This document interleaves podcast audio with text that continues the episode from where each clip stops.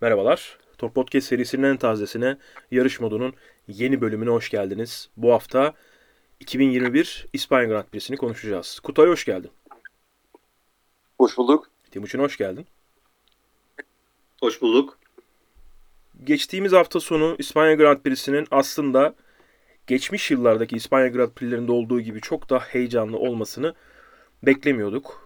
He- heyecanlı olmayacağını düşünüyorduk. Yani geçtiğimiz yıllarda Rosberg'in Hamilton'ın ilk e, turdaki kazası gibi çok büyük olaylar dışında çok da fazla aklımızda yer etmiş bir Grand Prix değildi. Bu hafta sonu da özellikle takımların genel manada araçlarıyla birlikte sürekli test yaptıkları için, çok iyi tanıdıkları bir pist olduğu için İspanya Grand Prix'sinin yapıldığı pist olan Katalunya pisti çok da fazla aslında bir sürpriz beklemiyorduk. Değiştirilen bir viraj var. Ancak o virajın yarışın içerisindeki heyecana bir katkısı olmayacağını da öngörüyordu bütün pilotlar ve takımlar. Keza aynı şekilde oldu. Onların beklentisi deki gibi.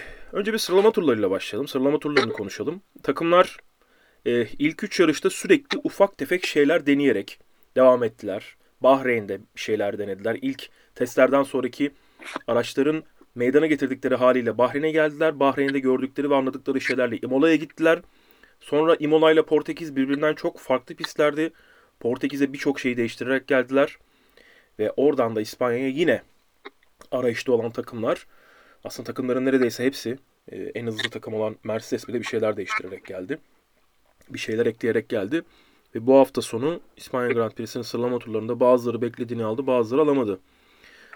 Aston Martin'ler yine geride. Özellikle Sebastian Vettel, Timo 14. sıradaydı. Sıralama turlarının sonunda Lance Stroll de 11'di. Onları konuşarak başlamak istiyorum. Çünkü geçtiğimiz yılı bitirirken Timuçin bu adamlar yarış kazanıyorlardı. O kadar hızlılardı. Ama bu yıla sanki sıfırdan başlayan bir takım gibi ancak Haas'ın ve Williams'ın önünde net şekilde olmayı başararak devam ediyorlar. Ne diyorsun? Yani çünkü bu sene gerçekten sıfırdan başlamış gibi bir şey oldular. Çünkü araçların ebatları değişti. Ee, buna da ayak uyduramadılar. Yani Mercedes bile ayak uydurmakta zorlanırken Aston Martin e, çuvallama versiyonuna devam etti. Onlar özellikle işte geçtiğimiz podcast'te de konuştuk. Bazı kuralların geri yürütülebileceğini, bazı kurallardan vazgeçilebileceğini gibi saçma bir şey bile ima ettiler. Elbette hiç böyle bir şeyin olma ihtimali yok. F1'de bunun geçmişte bir örneği yok. Bu sebeple de bu yıl bir şekilde araçlarını e, birkaç yarış sonra en azından daha iyi hale getirmeyi düşünüyorlar. Aston'la alakalı çok bir şey e, sormayacağım Kutay'a. Kutay'a sıralama turları performansı olarak aslında Alpinleri soracağım. Alpinlerden bir tanesi 5. bir tanesi 10. oldu. Ocon 5'ti, Alonso 10'du. Beklediğin sıralama turları performansı geldi mi Kutay? Ya Ocon e, bu pist bu tip pistlerde e, sanki Renault'un tek turunu çözmüş gibi duruyor. En azından e, alabileceğini alıyor. Daha iyisi iki yarıştır olur mu? Biraz zor. Alonso e, hala hani istediğimiz yerlerde olmasa da en azından bu yarış Q3'e kaldı. İki otomobil birden Q3'te gördük. O güzeldi. McLaren Mercedes, Timo. McLaren Mercedes takımı sezona başladıktan sonra Lando Norris özellikle Daniel Ricciardo'nun sanki net şekilde önündeymiş. Elbette aracı 3 yıldır çok iyi tanıdı. Takımın her yerine hakim, araca çok hakim. Daniel Ricciardo yeni geldi. Bunların hepsini biliyoruz. Ama İspanya'da özellikle sıralama turlarında Ricciardo 7. sırada, e, Norris de 9. sırada tamamladı. Ricciardo yarış temposu olarak da zaten o yarışta konuşacağız. Öndeydi. Norris'in önündeydi. Ne diyorsun McLaren'in performansına? Ricciardo alışmaya başladı mı araca sence? E, bu yarış için alışmaya başladı demek mantıklı olmuyor. Bence biraz e, yarışla yani İspanya'da değildi sanki kendisi. Hı hı. Ya pisti çok sevmediği için olabilir. E, veyahut da bu hafta sonu tam bir performans gösteremediğini düşünüyorum. Bakalım. E, inşallah ama Ricardo alışmıştır. Yani, e, en azından alışma sürecinin yarısını geçmiştir diye düşünüyorum. Çünkü Ricardo'nun e, bu araçta daha fazla e, puan ve puanlar alabileceğine eminim. Ben de sana katılıyorum Norris konusunda. Norris sanki bir hafta sonu pek de İspanya'ya gelmemiş gibi bir tavrı vardı. Pek de ortalıkta yok. Yarışta bayağı silikti. Evet bayağı silikti. Kısa bir Alfa Tauri konuşalım. Kutay. Ee, Pierre Gasly 12. sırada. Tsunoda da 16. sırada. Geçtiğimiz yıl özellikle Pierre Gasly'nin çok ciddi bir yıldızının çok ciddi şekilde parladığını görmüştük. Sezon öncesi testlerde de Alfa Tauri çok iyiydi. Hatta yanıltıcı bir e, tur derecesi vardı onların Bahreyn'de. DRS'yi çok erken açarak Sunoda en iyi zamanı imza atmıştı. Onu bir kenara bırakırsak eğer e, Alfa Tauri sezon öncesi testlerde çok hızlıydı. Çok iyi görünüyorlardı. Hani dördüncü takım olurlar bunlar galiba. 4-5 e, çok kuvvetli görünüyorlar aslında. Hatta üçüncü takım olurlar mı sezonun deva- devam eden bölümünde diye düşünüyorduk. Pierre Gasly'nin daha iyi olması gerektiğini düşünüyorduk. Çünkü e, çok iddialı. Seneyi çok iddialı bitirdi. Ve önümüzdeki yılda daha iyi olacağını düşünüyordu. Sunoda tamam çaylak pilot ve araca alışmaya çalışıyor ama Gasly'nin performansı acaba Alfa Tauri e, çok da iyi değil mi? Ne düşünüyorsun Kutay? Ya bence Alfa Tauri birazcık Gençler Birliği gibi. Yani geçen sezonda yarış kazandıkları da var. Kötü performansları da var. Dolayısıyla onlardan sürekli stabil ve e, sabit bir performans beklemek birazcık onlara da haksızlık olur. Çünkü hem e, ne olursa olsun bir takımın ikinci takımı onlar. E, ve bambaşka bir şekilde yönetiliyorlar bir yandan da. E, Gazli yine standart performans ortaya koyuyor bence. Yani kendisinin en iyisini yapabiliyor ama zaman zaman hatalar da yapıyor. E, Sunoda'ya da biz sanki biraz e, erken yükseldik. Hani tamam çocuğun hızı var onu hepimiz görüyoruz ama bunu ortaya koyması biraz zaman alacak gibi duruyor. Zaten bunu kendisi söyledi. Ben de biraz erken gaza geldim diye. Şimdi kendini biraz fazla yüklenmeye başladı. Performansı o yüzden bence düştü. Bu psikoloji toparladığında tam olarak onun da stabilitesini göreceğiz gibi geliyor bana. Williams takımı George Russell'la 15. sıradan başlamayı başardı. En azından ilk e, bölümü, sıralama turlarının ikinci bölümüne kalmayı başarmışlardı. E, ben buradan Red Bull'a geçeceğim. Red Bull'un performansını Timu sana soracağım. Red Bull sezonun ilk 3 yarışında gösterdi ki bu yıl onlar potanın için, içerisindeler. Çok hızlı bir yıl olacak hepimiz açısından. Özellikle Max Verstappen her yarışta kafa kafaya gidecek gibi görünüyor Lewis Hamilton'la. Ne diyorsun? Max ikinci sırayı aldı. E, neredeyse kıl payı bir farkla e, Lewis Hamilton pole pozisyonunu aldı. Ama Sergio Perez 8. sırada kaldı. Sergio Perez bazı yarışlarda piste geliyor, bazı yarışlarda uyum sağlayamıyor. Bir pilot 2, bir pilot 8. Aralarında da neredeyse bir saniyelik fark var. Ne diyorsun?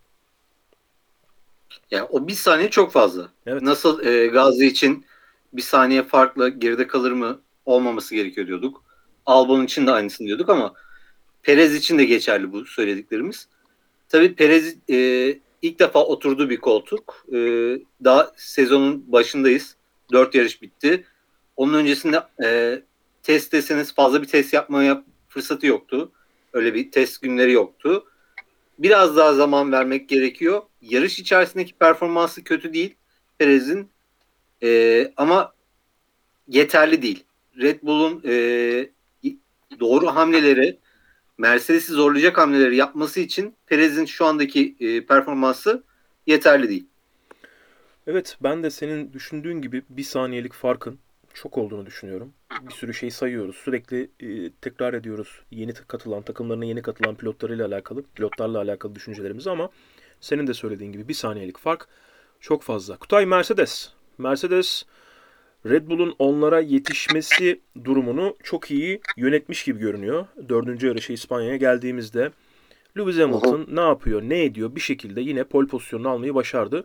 Bu sezon hani çok zaten kapışmalı gidecek gibi görünüyor bu pol pozisyonu meselesi özellikle Max'la arasında. Bazı yarışlarda Bottas'la kafayı çıkartabilir. Ben Perez'den de sürpriz bekliyorum bu arada. Perez'i de bir, tamamen dışarıda bırakmıyorum. Bazı pistlerin ona uyabileceğini düşünüyorum. Ne diyorsun? Mercedesler bayağı iyiydi. Ee, 16.741 Hamilton yaptı. 16.873 Bottas yaptı. Yani aralarında da e, çok küçük bir fark vardı sıralama turlarında. 0.2 var. Evet. Yani senin dediğin yoruma katılacağım. Bayağı iyiydi. Yani ne denebilir ki onlara o konuda? Yani el, zaten en iyisini yaptılar. Hani şu deni mesela şu deniyordu sezon öncesinde. Ya işte Red Bull çok hızlandı özellikle ilk yarıştan sonra. Ee, Mercedes sorun yaşıyor.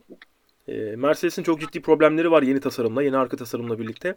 Yani bu mu acaba yeni arka tasarımla sorun yaşayan Mercedes? Demek ki bunlar sorunsuz olsalar o zaman bir saniye falan önde olacaklardı.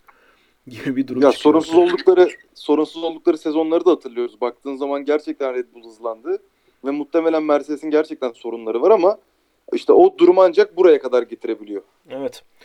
İlk tur e, startta Max ne yaptı ne etti Timo e, bir şekilde yine yarış başlamadan önce Hamilton dedi ki sağ tarafta e, Max'ın kalkacağı yerde çok fazla kauçuk var dedi. Yani çok iyi bir tutunma bekliyordu Hamilton Max'tan e, başlangıçta.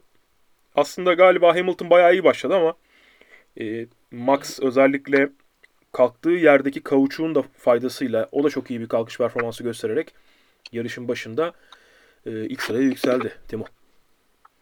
Ee, evet öyle oldu ama Hamilton'da kapıyı kapatmak için hiçbir hamle yapmadığını gördünüz siz de bilmiyorum. Dikkatli baktınız mı? Evet, Hamilton kendi kaldı. çizgisinde kaldı. Evet. Bir pozisyon almadı Max'e karşı. Hani önünü kapatmak için bir pozisyon yapmadı. Viraja e, daha rahat şey daha zor girmesi için bir hamle yapmadı. Bayağı kapıyı açık bıraktı. Max de e, çok güzel bir kalkışla e, viraja önde girmeyi başardı. Evet Leclerc Bottas'ı geride bıraktı. E, o birazcık aslında Mercedes'in yarış stratejisi e, Bottas'ın Hamilton'dan dolayı momentum kaybetmesiyle alakalıydı. Evet. Bottas'ın yer kaybetmesi. Orada Bottas Hamilton'ın arkasına girerek hava tüneli e, etkisi yapacağını düşündü. Aslında bir nevi onun arkasına giderek bir boşlukla birlikte daha çok hızlanacağını düşündü. Ama Leclerc dışarıya açılarak temiz havayı kullandı. Ve o virajda özellikle önünün açılmasıyla birlikte senin de söylediğin gibi Bottas'ın biraz Hamilton'ın arkasında kalıp bir tık ayağını gazdan kaldırmasıyla birlikte dışarıdan iyi bir ivmeyle e, zaten onun da diğer örneğini 2013 e, ya da 2012 Alonso'nun aynı yerde Hamilton'ı geçtiği nokta diye bir örneğini de paylaşmıştık hikayelerden. E, bu biraz aslında Mercedes'in yarışını bozdu Kutay bence. Çünkü Leclerc'in artık arkasında kalınca Bottas birkaç tur, birkaç tur değil uzun süre pit stoplara kadar e, Bottas'ın geride kalması, öndeki gruba yetişememesi Red Bull'un biraz daha kolay strateji kurmasına aslında imkan sağladı. Ne düşünüyorsun?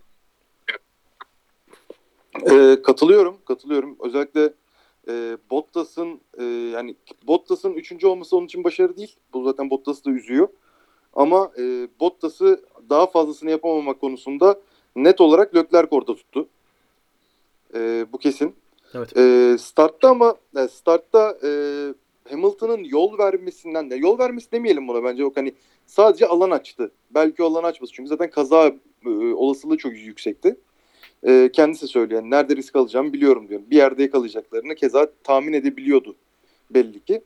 E, ama onun orada yavaşlaması e, çizgisinden dolayı Bottas'ı etkiledi. Hatta Bottas'ı etkilemesinin arka tarafa da etkileri oldu. Hı. Yani o hareket bir zincirleme bir reaksiyon yarattı. Çok o yüzden 2-3 tane pozisyon geçişini sırf e, en başta Hamilton'ın başlattığı aksiyondan dolayı görmüş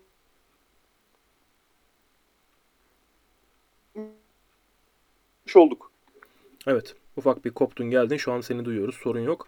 Zaten e, öndeki gruptan en önce pite giren 23. turda şu anda önümde e, açtım bakıyorum. 23. turda e, pite giren Mercedes pilotu Bottas oldu bu yüzden. Bir an önce aslında Leclerc'ten kurtulmak istiyordu. Leclerc'i geçebilmek için de pite girmesi gerekiyordu. Bir şekilde bir, bir türlü geçememişti. E, öndeki gruptan daha bir tur sonra Max geldi. Max'a şöyle bir durum olmuş Timuçin. Max'ı çağırmamışlar aslında. Max tamamen ya bir, Evet. sonra- bir sonraki tur gireceğiz demişler ona. O onu bu tur bu tur diye anlamış. 25'te gireceğine 24'te girmişti mu Max? Evet o e, pit ekibindeki şa- şaşkınlık da ondan sebepti.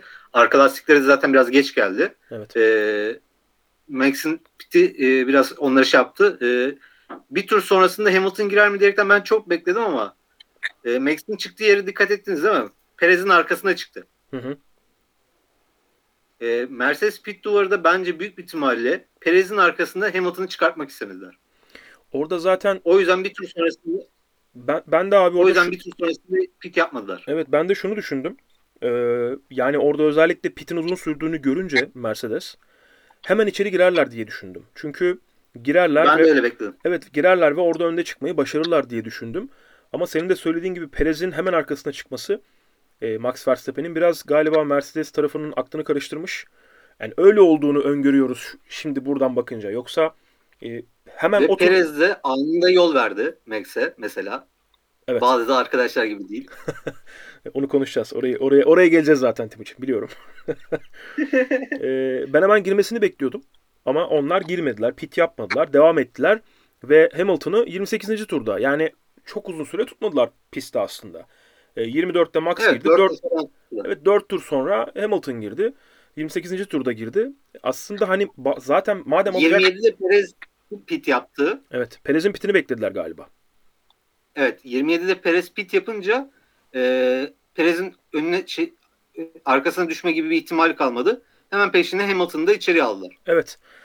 Sonra aslında yarışın içerisinde Kutay Lewis Hamilton iki kere ya da üç kere Max'ın arkasına geldi. Yapıştı. DRS mesafesine girdi. Ama hiçbir şekilde Max'ı yakalayabileceği bir e, hızı yakalayamadı. Bu arada son viraj ile alakalı bugün FIA bir e, açıklama yapmış. İspanya'nın son virajı ile alakalı. Son virajı orada bir şikan var ya orayı kaldıracağız diyorlar. Muhtemelen önümüzdeki yıl. Çünkü start finish düzlüğüne çok daha yüksek bir hız taşımak için Portimao gibi o şikandan kurtulmak gerekiyor diyorlar. Keşke 10. virajı değiştirecekten orayı değiştirseydiler. Ee, Kutay erken girdi. Ee, er- erken girdi demeyeyim aslında. 14 tur sonra Lewis Hamilton yeni bir pit yaptı. Ve bu aslında yarışın e, tüm rengini değiştiren karar oldu. Ee, öncelikle o virajla ilgili e, söyleyeceğimi söyleyeyim bir. Ee, ben de bir YouTube'da video seyretmişim. Hani İspanya Grand Prix neden sıkıcı git tadında bir video. Ee, oradaki şikanın aslında dışında zaten kullanılabilecek bir düz viraj var. Hani zaten sen bunu biliyorsun hani bilmeyenler için söyleyeyim. Hı hı. Ee, güvenlik gerekçesiyle orayı kullanmıyorlarmış. Ee, eğer olduk yani dümdüz dışarı taşmada e, arkadaki duvar çok yakın diye. Hı hı. Ee, ama yani oranın bence gerçekten kullanılması lazım. O, o, o halde böyle e, hafif bir yarım NASCAR turu oluyor en azından orası. Hem keza daha heyecanlı olacağı kesin. Evet. Ee, onun dışında ben hani Hamilton pite girdiği gibi Verstappen'in de pite girmesini bekledim. Hatta niye almadıklarını da bir ilk başta anlayamadım. Sonradan işte konuştuğumuzda Timo dedi ki lastiği yoktu. O zaman işte yapacak hiçbir şey kalmıyor. Çünkü yumuşak taksalar olmaz. Hani belki serti deneselerdi acaba. Çünkü piste geçemiyorsun. Ama işte Sert'e hafta sonu kimse denemedi. Şunu şunu söyleyeyim Ya- ikiniz konuyu yorumlamadan şunu söyleyeyim. Ee, girip çıktıktan sonra ikisi de Bottas'ın arkasına çıkacaktı. Bu anekdotu vereyim size. İkisi de Bottas'ın arkasına çıkacaktı. Hamilton'a yol verebilirdi Bottas. Ee, yani orada hatta yol vermesini isteyemezdi Mercedes. Çünkü önde olan bir Red Bull pilotu olmayacaktı. Bu sefer e, aslında Max dezavantajlı halde olacaktı. Ne olursa olsun Bottas'ın arkasına çıkacaktı Max. Yani Hamilton'ı e, önünde kalabilirdi belki. Önünde çıkabilirdi ama mutlaka Bottas'ın arkasında kalacaktı. Kutay devam edebilirsin. Ya tabii, tabii doğru söylüyorsun. Bak mesela o açıdan düşünmemiştim. Doğru söylüyorsun. Zaten burada da şuna geliyoruz. İşte niye e, Perez'e Red Bull'un çok ihtiyacı var? Kesinlikle. Tam olarak bu tarz şeylerden dolayı. Kesinlikle. Yine de hani şey olabiliyor yani farklı bir alternatif düşünelim. Böyle yol verme aşamalarında iki pilot birden bir şekilde geçebiliyor ve Max'ın hani onu yapacak yeteneği var da diyelim hadi. Hani belki bir zorlayabilirlerdi. Çünkü diğer türlü hakikaten hani e, şey dedi ya Max Verstappen'de Sting Duck olduk hani. Bekleyen ne Evet. Türkçesi onun? Evet, evet, evet. Tamam. Ben de getiremedim. Hayır, duran, duran hedef olduk diyeyim o zaman. Avlanmayı Yani bekleyen, yakalanacak- avlanmayı bekleyen ördek gibi oldum diyor bir anda diyor. Hah bravo yani o kadar belliydi ki gelip geçeceği. Yani oradan sonra saat yarışın pek bir anlamı da kalmadı. Ee, çünkü sadece şeyi bekledik hani hangi turda gelip geçecek. Hı hı. Hatta beklentilerden çok daha erken geldi. Hı hı. Yani bir şey diyemiyorum. Ee, talihsiz bir durum Max için. Çünkü 6-7 tur e, DRS mesafesine geldi, gitti. Şimdi orada da aslında Hamilton'ın da lastikleri aşınıyor. Yani o kadar çok kirli havada boğuştuğu için Hamilton ne kadar lastiklerini idare etse, ederse etsin. e, Max Verstappen orada inanılmaz bir avantaj da elde ediyor bir yandan. Arkasındakini o kadar boğuşturduğu için ama böyle bir strateji alternatifi olduğu zaman Max'ın da yapabileceği bir şey kalmıyor. Ve e, Hamilton çok güzel ve doğru bir şey söyledi. Max'ı da çok uzun süre arkadan e, çok yakın takip ettim. Hani uzun zamandır bu kadar takip etmiyordu çünkü benim de hatırladığım yok. E, sürüş stilinde bilmediğim şeyler gördüm diyor. Yani Max'ı çözdü bir yandan da. Yani Max şu anda öyle bir şey de kaybetti. E, dolayısıyla Max için hakikaten o bakımdan talihsiz bir yarış ve düşünüldüğü zaman pek alternatifi de olmayan, bir çözümü olmayan bir durum. Hani dediğim gibi belki sadece sertleri deneseler iş yapardı ama işte Mercedes orta ve sertle iş yapabilirken Red Bull orta ve sertle zaman kaybediyor gibi gözüküyor Mercedes'in aksine. Ya da yumuşaktaki Dolayısıyla- avantajlarını ya da yumuşak lastikteki avantajlarını özel, büyük oranda kaybediyorlar. Orta ve sert. Evet, evet. Hani bilmiyorum yeni yumuşağı var mıydı ya da kullanılabilir şekilde hani onu taksa bile kaç tur vardı? 30 küsür tur vardı yanlış hatırlamıyorsam o Bir sıralarda. takım bir takım e, sıfır yumuşağı varmış Ma- Max'ın. Hani Ama belki aynı o da- anda girseydi yetmeyecekti o lastikler. Evet yetmeyecek. Ya Hemen, ben ya hemen girseydi. yetmese şey yapabilirler. Ee, Yani ben onu denerdim muhtemelen sadece söylüyorum. Ee, pistin üzerinde Sting Duck olmak yerine farklı bir alternatifle yine ikinci olurdu zaten. Onu denerdim diye düşünüyorum ama onlar illaki bunun hesabını kitabını yapmıştır. Hani en safe ve en e, düzgün şekilde maksimum puan budur diye hesaplayıp ona göre karar vermişler diye tahmin ediyorum. Ama hakikaten üzücüydü yani. Hani e, eşim de çünkü bir Verstappen taraftarı oldu izle izle. Hani onun durumunu görmek daha da üzücüydü böyle. Ama geçecekler diyor. Evet diyorum geçecekler. Yapacak bir şey yok yani. Timuçin ne diyorsun? Mercedes'in erken pit Yani- stopu, Böyle bir durum. Max'ın beklemesi. Ya ben e, sonradan yarış bittikten sonra uyandım ki e, Mercedes bence İspanya'ya gelmeden önce dersine çok çok çok iyi çalışmış. E, bu sebepten iki tane orta sınıf lastik getirmiş yanında diye düşünüyorum. Ve bunlardan bir tanesini sıralamada ilk Q1'de kullandılar hatta. Hı hı. Q2'de kullanmayı bile denemediler. Hı hı. Çünkü e, bu pistte kalkışta özellikle e, çok büyük bir dezavantajı olacaktı eğer orta hamurla kalsalardı. Ki bunu hiçbir takım denemedi. E, Yok Red- Raikkonen denedi. Raikkonen taktı. bir tek Raikkonen Kral denedi ya. ama şey yani Raikkonen o yani kaybedeceği hiçbir şey yok. Neredeyse. adam yerine koymuyor musun? Vallahi salarım üzerine bütün. Yok hayır kaybedeceği hiçbir şey yok adamın. Dalga geçiyorum dalga geçiyorum. Tabii ki.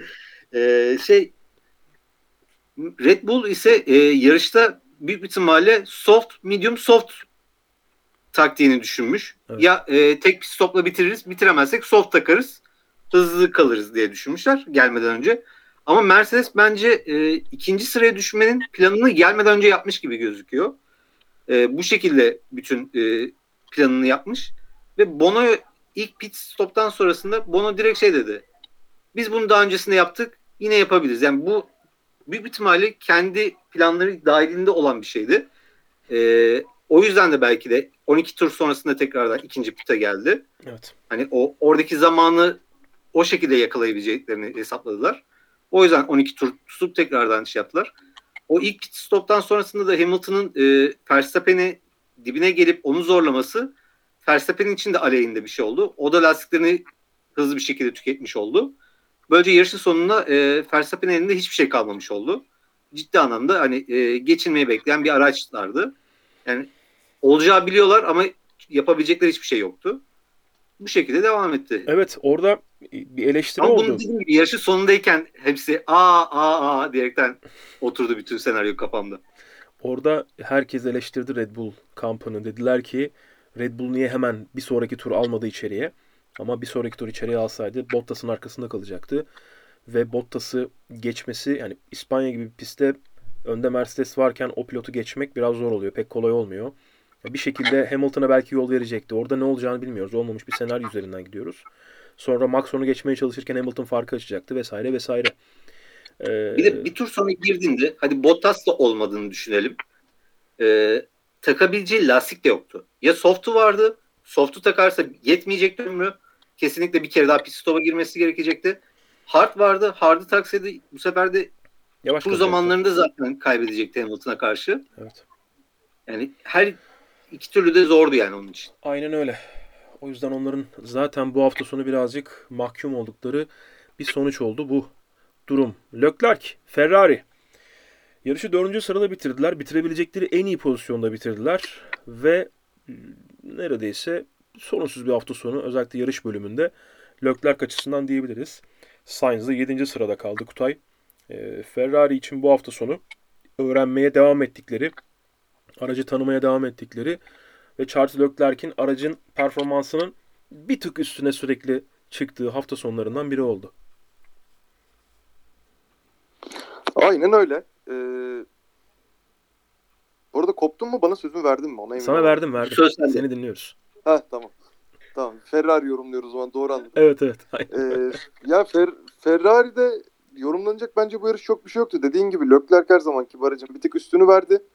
Ee, podyumda bile olabilirdi. Biraz daha e, ne derler otomobilde bir şeyler olsaydı mı demek doğru.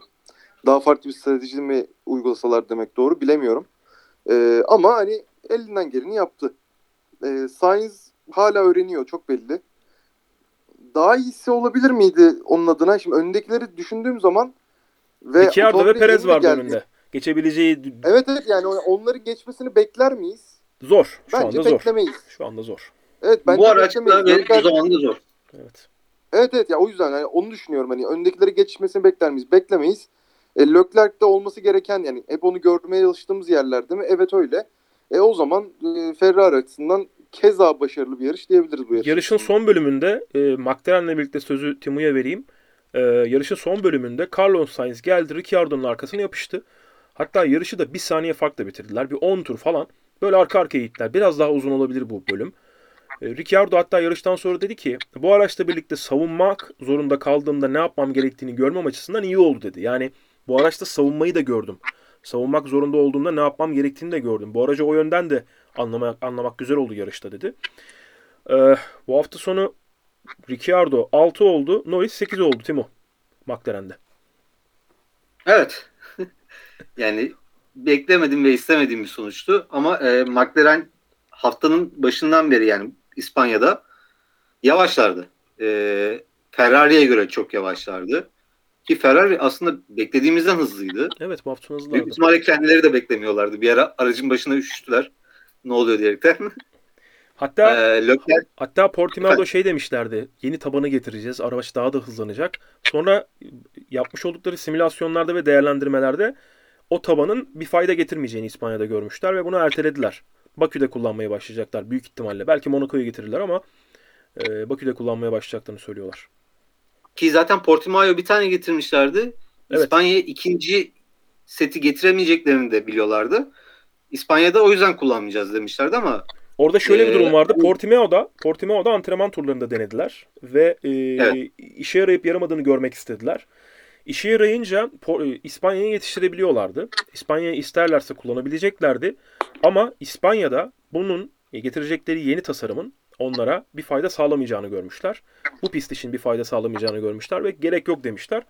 E zaten bundan daha iyi bir sonuç alamazlardı bence. ya bundan kesinlikle Ferrari daha iyi bir sonuç olabilir miydi? Zor. Yani aracın performansını bildiğimiz için benim için zor gözüküyor. Evet. Çünkü Leclerc dördüncü sıradan kalktı ve dördüncü olmayı başardı. Yani bence e, Red Bull ve Mercedes pilotu değilseniz dördüncü olmak birinci olmakla eşdeğer. Evet. Arka bölüm için. McLaren diyorduk. Evet. McLaren Mercedes. McLaren için de dediğim gibi bu hafta sonu böyle cuma günü antrenmanlardan beri silik bir performans Senin gösteriyorlar. için Norris'in performansı bir hayal kırıklığı olmuş gibi görünüyor. Evet açıkçası öyle oldu. Ben bir ara hatta yarışın böyle tam sıkıcı olmaya başladığı zamanlarda e, soldaki ekrandan Norris'i takip etmeye çalıştım ama baktım hiçbir şey değişmiyor Norris için. E, ne öndekine yaklaşabiliyor ne şey yapabiliyor. Yani o açıdan da zevkli değildi. Hani ikinci bir şey izleyeyim bari dedim. O da olmadı. E, Arkadakilerin McLaren yarışını takip sonu değildi bence. Sıralama turlarında Mazepin Norris'i engellediği için bir e, orada galiba ceza almıştı. Norris bu hafta sonu pek, Evet. pek şanslı değildi. Onun için kötü bir hafta sonu geride kaldı. Esteban Ocon O olayı tam olarak görmedim sıralamadaki engelleme olayını ama Hı hı. yanlış bilmiyorsam Mazepin'e bir puan ceza verdiler. Evet Mazepin zaten bakalım se- sezonun yarısına kadar gidebilecek mi? Ee, bu sezon içerisinde bir yarış cezası bile alabilir. Hatta daha kötü şeyler bile Allah korusun ama yaşayabiliriz. Kötü bir kazaya bile sebebiyet verebilir. Gerçekten gerçekten ama, Bakın ben korkuyorum. gerçekten ama gerçekten bu serinin adamı değil. Yani kesinlikle bu serinin adamı değil. Ee, orada yani 20 yaşında bir çocuk Instagram'da saçma sapan bir hareket yaptı. Tamam ama konu o değil. Norris kadar hızlı ol. Norris kadar hızlı olmana gerek yok ya. Yani Stroll kadar hızlı ol. O hataların hiçbirini yapma pist üzerinde. O zaman biz unutmaya başlayalım senin o yaptığın hareketi ama hem senin karakterinde sıkıntı olsun hem de yarış e, bölümünde sıkıntı olsun maalesef. Ocon 9'u aldı. E, Alonso da biraz daha arkada kaldı. Alpine'i yorumlayalım biraz. Alpine'de işler nasıl gidiyor Kutay? Ne diyorsun? Takımınla alakalı. Ee, ya şöyle Ocon e, startta e, büyük bir hata yaptı bence. En sağ gitti. En sağ gittikten sonra da gidebileceği başka hiçbir yer olmadığı için iki sıra kaybetti. E zaten bu pistte iki sıra kaybetmek demek yarış aslında e, orada bırakmak demek. E, sonrasında da o, sürekli geri düştüğünü gördük takımın. Ee, yani ben bu yarışta Alpine için mutsuzum diyebilirim. Alonso'dan da pek bir şey alamadım. Evet. Ee, o konudan da pek bir şey alamadım. Bu yarış o hani en azından ilk üç yarışta gördüğüm agresifliği göremedim. O kötü oldu. Zaten çok üst sıralar beklemiyoruz. Çünkü hani Ferrari'ler kendine geldi, McLaren kendine geldi. Onların arkasında bir Renault şu anda gözüküyor ama ona rağmen ben bu yarıştan tat alamadım öyle söyleyebilirim yani Renault açısından.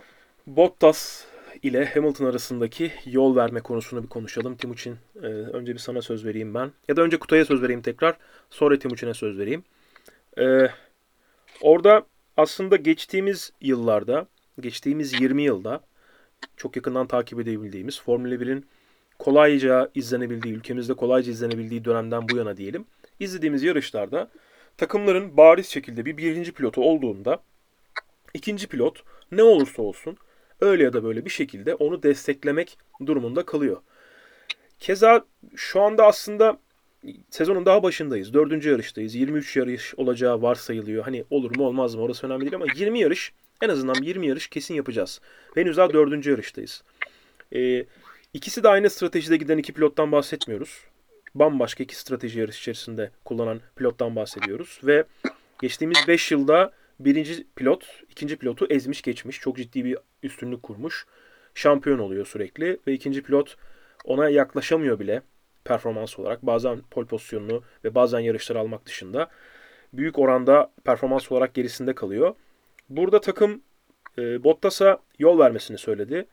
E, onu tutma, onun başka bir yarışı var dedi. E, Bottas yol vermekte biraz gecikti ve bir saniye, bir buçuk saniye kadar e, Hamilton'ın vakit kaybetmesine sebebiyet verdi Kutay. Biz bir anket yaptık Instagram'da. E, görüyoruz ki Türkiye'deki taraftar kitlesi büyük oranda, Formula 1 taraftarı kitlesi büyük oranda Hamilton'ı sevmiyor. E, çünkü anketi ilk açtık. %70'ti. Yani böyle bir 8 bin kişi falan, 8 bin, 9 bin kişi falan oy kullandı. Yani ilk başta 500 kişi oy kullandı da %70 Bottas haklı diyorlardı. 8 bin, 8500 kişi civarında oy kullandığında da %70 Bottas haklı olarak çıktı. Hiç o oran değişmedi. Oradan bunu net bir şekilde anlıyoruz ki insanlar Hamilton'ı sevmiyorlar. Ee, ne diyorsun Kutay? Önce senin bir yorumunu alalım. Ya şimdi şöyle, öncelikle bu sevme sevmeme meselesi değil. Aynen öyle. Ee, bu bir takım sporu. Ee, bu ne kadar öyle yansıtılmasa da, e, ne kadar insanlar bunu anlamasa da Mercedes bir takım. Ve e, şunu hani geçmişte bu sporu takip edenler çok iyi hatırlayacaklar ki Barrichello'nun e, yarışı bitirmeden frene basıp Michael Schumacher'e yarış vermişliği var. Avusturya 2001. Çünkü Bar çünkü Barrichello'nun orada olma sebebi oydu zaten. Evet. Burada da Bottas'ın o takımda olma sebebi bu. Yani Mercedes var diye Bottas yarışıyor. Bottas var diye Mercedes yarışmıyor. Rally olsa bunu söyleyemezsin. Rally olsa adamın parası da varsa gider e, bir tane VRC kiralar. Öyle mi der? Hepsinin içinden geçmeye çalışır. Geçebilir, geçemez. O ayrı bir şey. Ama Formula 1 öyle bir yer değil. Sen gidip bireysel olarak bir araba alıp yarışamıyorsun. 1970'lerdeydi o iş. Sonra bu bitti. Dolayısıyla e, Bottas o yolu verecek. Yani bunun Bottas mı haklı, takım mı haklı? İşte efendim söyleyeyim adamın hakkı yeniyor, öyle oluyor, böyle oluyor. Böyle bir şey yok. O Bottas o söyleniyorsa o yol verilecek, verilmiyorsa da Bottas'a güle güle dersin gider. Çünkü Bottas'ın orada olma amacı o. Ve ters taraftan da düşünelim. E, Bottas'a farklı bir otomobil ver. Evindeki kupalar, e, kupa rafı e, o haliyle durur. Çok muhtemelen, çok acayip bir şeyler olmazsa. Yani oraya yeni bir kupa eklemek ekleyemez çok kolay kolay. Dolayısıyla Bottas evine bir kupa götürüyorsa onu da Mercedes sayesinde götürüyor. Bu benim için bu kadar basit bir mevzu. Aynen öyle. Orada maalesef ben %70'lik oran diğer tarafta takım %70 haklı olarak çıksaydı eğer anketimizde %30'un neden öyle söyleyeceğini düşünürken e, aslında kesinlikle e, Bottas'ın %70 haklı olduğunu düşünenler beni böyle bir çok ciddi şekilde şaşırttı. Timuçin sen ne diyorsun? Ya tam sinirlenecektim. Kutay öyle güzel konuştu ki bütün sinirimi aldı. Adam diyeceğim yani ben o tarz cümleleri bir araya yan yana getiremezdim. Teşekkürler Kutay öncelikle. Şimdi Bottas'a sadece şu şekildeyken haklı olabilirdi. Bu demeci sonradan söylediği o demecinin de sadece şu şekildeyken haklı olabilirdi.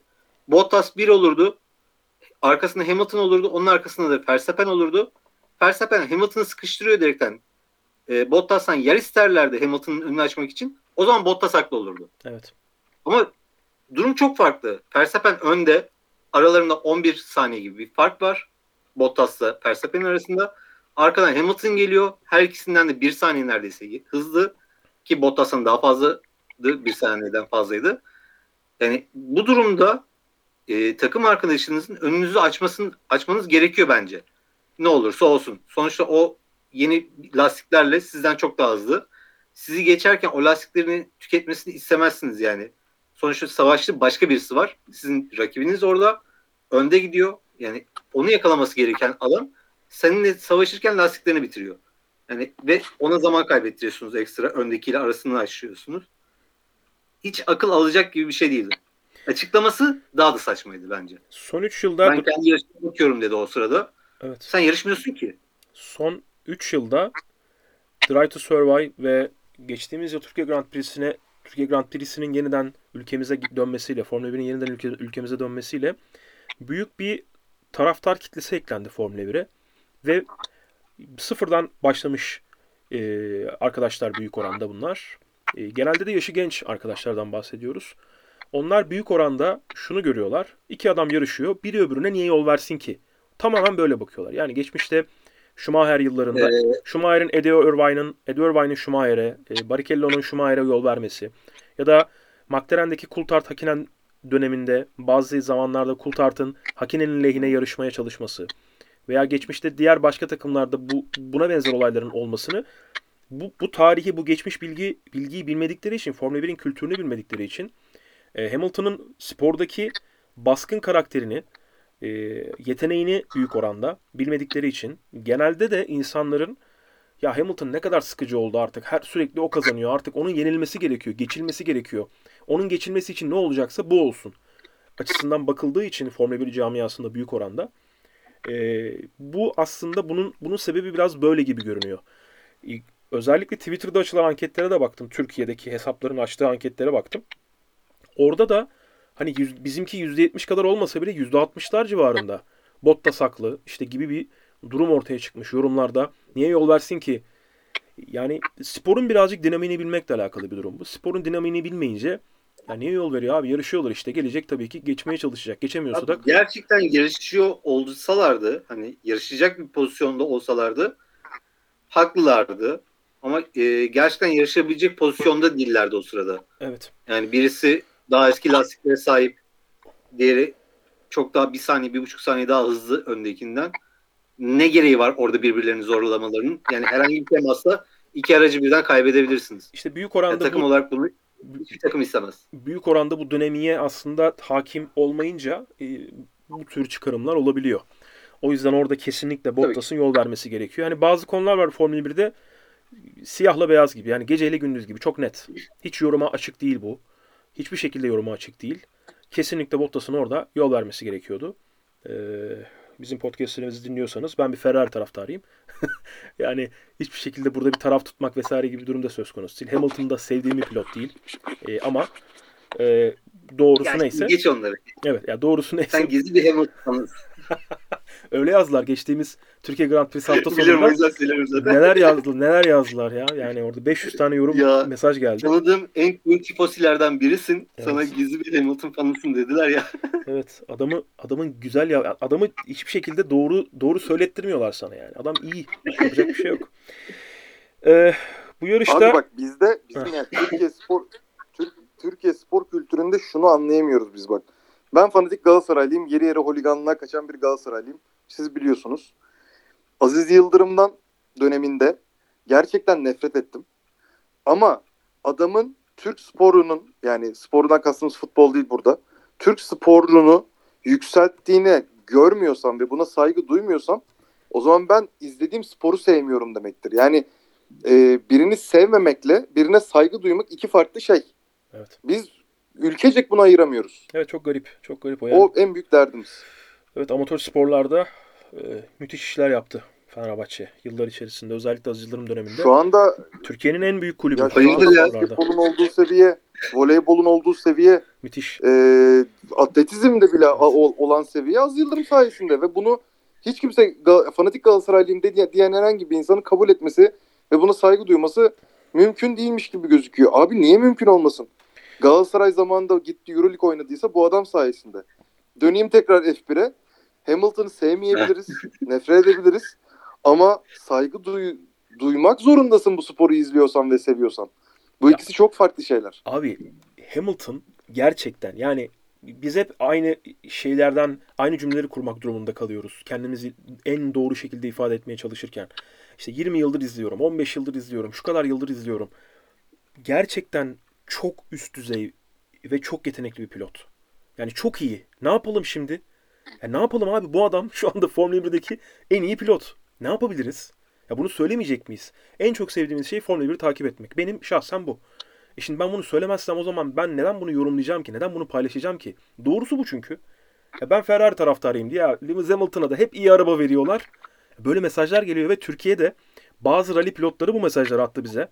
Bazı kartingçiler attı bu mesajları bize. Şimdi ismini hiçbirinin ismini vermeyeceğim. Size özelden söylerim. Ee, bazı böyle tipler hani bizim tanıdığımız tipler diyorum hani arkadaşımız önemli bölümü. Ya bana da çok iyi araba veriyorlar. O arabayı kime versen abi olamaz. Yok öyle bir şey yok. O mantıkta bakarsan Senna'nın arabası çok iyiydi. O şampiyonlukları o sayede aldı. E, Schumacher'ın arabası iyiydi. O şampiyonlukları o sayede aldı. Löb'ün arabası çok iyiydi. O şampiyonlukları o sayede aldı. Böyle bir mantık var mı acaba motorsporlarında? Yani herkesin aldığı şampiyonluğu aracına bağlayacaksın. Aracı kimsenin aldığı şampiyonluğu aracına bağlamayacaksın. Lewis Hamilton'ı sevmiyorsun diye onun aldığı şampiyonlukları tamamen aracına bağlayacaksın. Herhalde Mercedes çok iyi. Ama bu aracın bu kadar iyi olmasını sağlayan en büyük etmenlerden biri Lewis Hamilton'ın yapmış olduğu geri dönüşler. O aracın olumsuz bir durumu olduğunda, olumsuz bir performans sergileme potansiyeli gösterdiğinde olabilecek bütün her şeyi ortaya koyabilmesi takımın. Yani pilotun verdiği geri bildirimle birlikte takımlar o araçları geliştiriyorlar. Evet en büyük kaynak şu an Mercedes'te. En büyük mühendisler, en e, büyük mühendis kadrosu, bin kişilik fabrika ekibi doğru. Doğru. Mercedes'te. Ama en iyi pilot onlarda olduğu için onlar sürekli şampiyon oluyorlar 8 yıldır. Ya en iyi pilot sizde değilse 8 yıl üstte şampiyon olamazsınız. Bunu yapabilmeniz mümkün değildir yani. Oraya otursa diyor Alonso da şampiyon. Tamam Alonso şampiyon olurdu ama. Yani başka birini daha koyamıyorsun oraya. Vettel şampiyon olamazdı 8 yıl üst üste. Mümkün değil. Hiç kimse bana bunu anlatamaz. Max Verstappen şampiyon olurdu orada ancak. O kadar top class olman gerekiyor kusursuza gidebilmen için. O yüzden büyük bir haksızlık yapılıyor Lewis Hamilton'a genel olarak. Toto Wolff da bunun farkında. Bugün bir haber çıktı. Buradan buraya bağlayalım. Hamilton dedi ki yeni anlaşma, yeni sözleşmeyi yaz arasından önce imzalamak istiyorum. Toto Wolff de dedi ki, Timuçin önce sana söz vereceğim. Toto Wolff de dedi ki biz dedi e, Hamilton'a bir yıldan fazla bir imza attırmak istiyoruz. E, imza attırmamız gerekir dedi. Ne diyorsun? Ee, Hamilton için söylüyorum. Geçen yazı zehir oldu adamın. Haklı. Yani ne kadarlık imzalayacağım, nasıl imzalayacağım falan. Kış da filan zehir oldu derken- abi. Kış da zehir oldu. Aynen öyle. Ee, o yüzden diyor ki erkenden bitirmek lazım diye söyledi. Toto Wolff'ün bir seneden fazla sözleşme teklif edeceğiz demesi bence e, mantıklı ve güzel bir şey Hamilton için de. Hı hı. Hamilton da zaten biliyorsunuz bu seneyi bir senelik aldı ama daha uzun bir kontrat istiyordu. Hı hı. İki taraf da bu şekilde düşünüyorsa zaten çok çabuk bir şekilde e, anlaşma bitecektir diye düşünüyorum. Bakalım hayırlısı. Aynen öyle. Bu yarışa dair konuşmamız gereken bir şey olduğunu düşünüyor musunuz? Ee, Daha farklı bir şey benim aklıma gelmiyor. Soru cevaplarda bu yarışla ilgili Şunu, şunu şey konuşabiliriz. Söyle abi. Ee, şunu konuşabiliriz. Mick Schumacher'in startla beraber e, Williams'ları geçmesi Evet. bence e, kendi, hani bir kendini gösterir bir şey. E, bu beni mutlu etti. E, hatta Serhan Acar da bir ara Mihail Schumacher dedi. Onun Evet, da o da muhtemelen göz- gözler mi? oraya gidiyor. Gözler mi doldu? Ya bu evet, sırada evet, bir şey ister istemez orada bir durdu. Hatta kendi de bir 10 saniye durdu. Evet. Muhtemelen böyle hem üzünlendi hem ben niye böyle dedim diye düşünmüştür diye tahmin ediyorum. Ee, daha sonra da şey benim dikkatimi çekti. İşte bir pilotun e, olgunlaşması da işte tam olarak bence bu. Verstappen arkasından Hamilton kovalarken e, start finish düzlüğünün sonunda ne zaman kapandı ve nasıl geçilmedi? Mick Schumacher da çok daha erkenden kapanıp e, Russell'ın geç- geçmesine e, izin verdi. Yani izin verdi yanlış oluyor da geçecek yeri bıraktı. Çok Engel daha olamadı. erkenden aman geçilmeyeyim korkusuyla. Evet engel olamadı. İşte şu anda o yüzden Ağustos'ta yarışıyor. Orada e, orada öğrendiklerini ileride uygularsa işte o zaman pilot oluyor. Yani bu kadar ufak nüanslar işte hani evet iyi otomobil önemli ama bu ufak nüansları bilmezsen Max Verstappen'de olsan geçiliyorsun. Hamilton'da olsan geçiliyorsun. İyi pilotu çok iyi yapan işte böyle çok ufak nüanslar var. Aynen öyle. Aynen öyle. Timuçin bir şey söyleyecektin. Ha, ben e, şunu eklemek istiyorum. Pierre Gasly yanlış hatırlamıyorsam 5 saniye ceza verdiler. Evet. E, startta doğru yere oturmadığı için. Doğru. Michael Massey'i tekrardan tebrik ediyorum. E, bunu sinyallerle alıyor ve 11 tur sonrasında bunu cezasını verebildi. Kendisini orada yine bir tebrik edelim. 11 tur.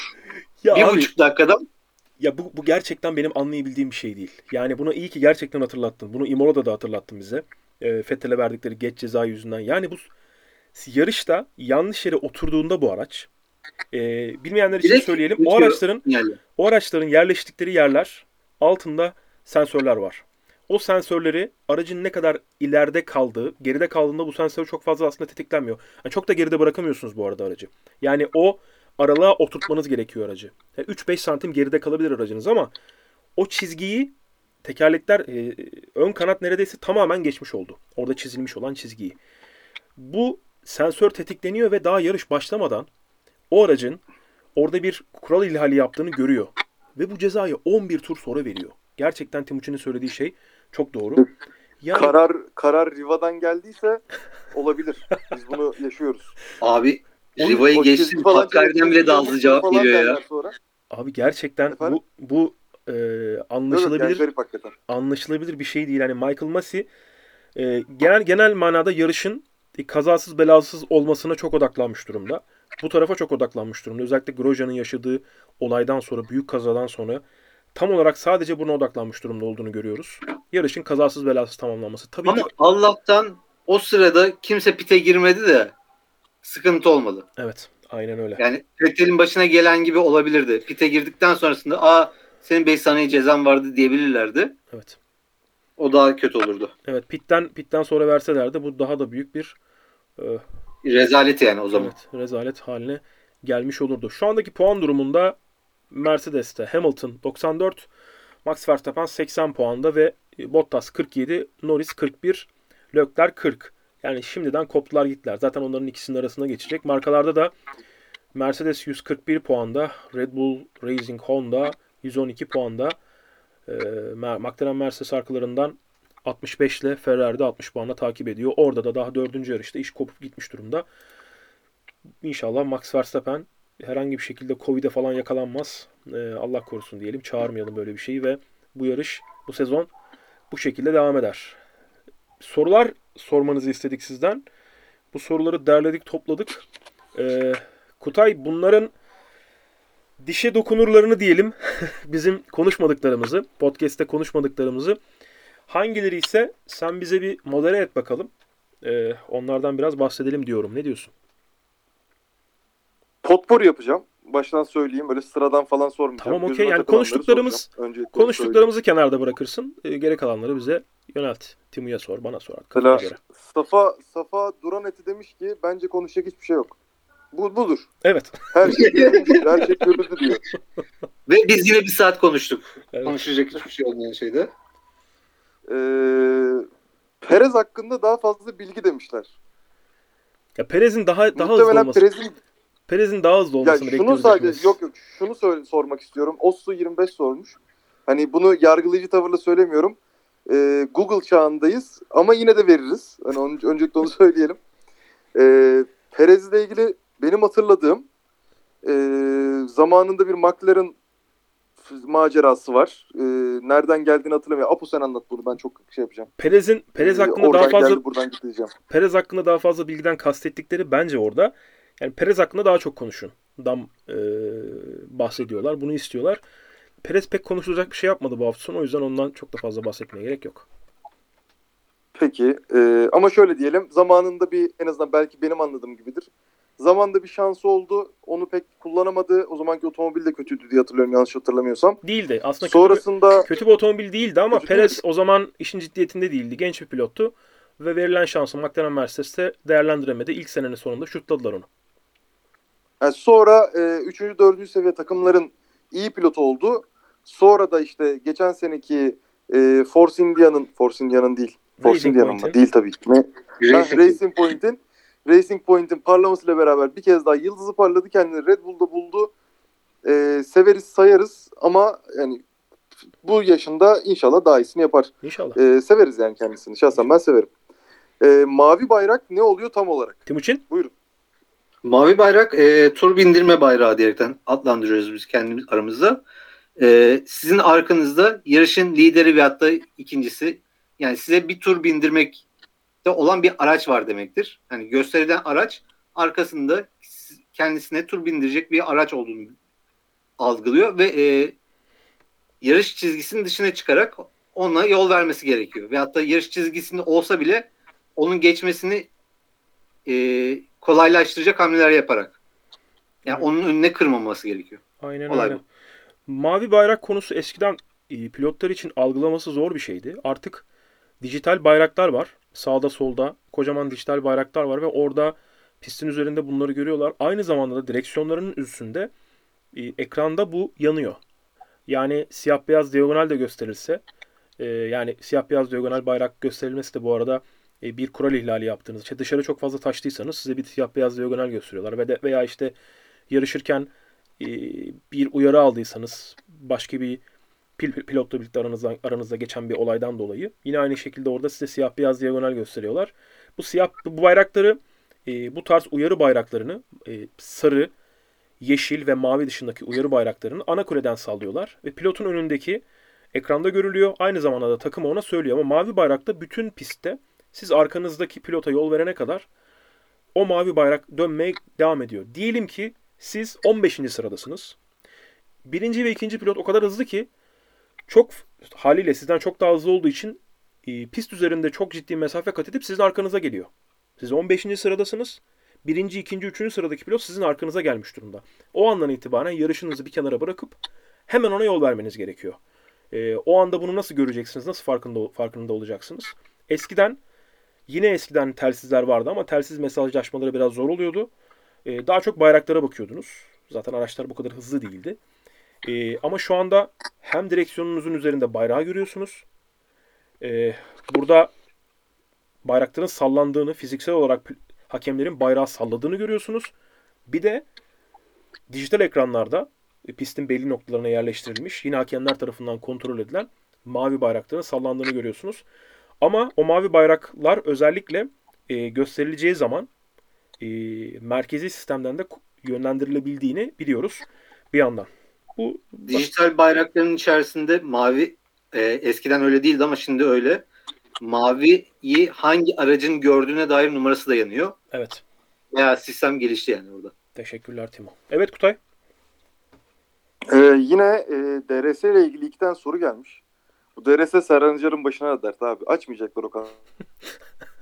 DRS şarjlı bir sistem mi diyen var. Öncelikle onu bir açıklayın. Aynı şekilde DRS hangi şartlarda açılıyor diye bir şart var. Buyurun sahneye. Şimdi teknik tarafını yani nasıl çalıştığını da izah edebilirim ben ama e, DRS nedir? Timuçin açıklasın önce bir. DRS pistin üzerinde birkaç tane nokta belirleniyor. E, start finish düzlüğü veyahut da arkada başka bir düzlük varsa. Onun e, öncesinde başka bir noktada ölçüm yapılıyor. Öndeki araçla aranızda bir saniye kadar bir farktan az bir fark varsa, bir saniyeden az bir fark varsa arkadaki araca geçişi yapabilmesi için arka kanadını açmasını sağlıyor. Arka kanadı açınca da ekstradan bir downforce kazanıyor araç ve daha fazla hızlanmaya başlıyor öndekine göre. Bu şekilde geçişinizi sağlıyorsunuz. Ee, benim bildiğim kadarıyla yani şarjından kastı herhalde şeyle karıştırıyor orada. Ters de karıştırıyor. Tersle karıştırmış Hizmet arkadaş. sistemle karıştırıyor. Kers sistemi farklı. Ee, aynı zamanda bataryanızı da doldurabiliyorsunuz. O pilotların kendi elinde olan bir sistem. Ee, kendileri kullanabiliyorlar istedikleri zaman. Ama DRS belli başlı noktalarda kullanabiliyorlar.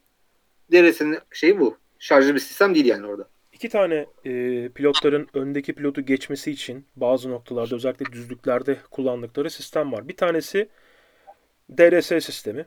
DRS e, tur bindirirken kullanabildiğiniz bir sistem. Öncelikle önün, önünüzde ister normal yarıştığınız araç olsun, ister tur bindirdiğiniz araç olsun.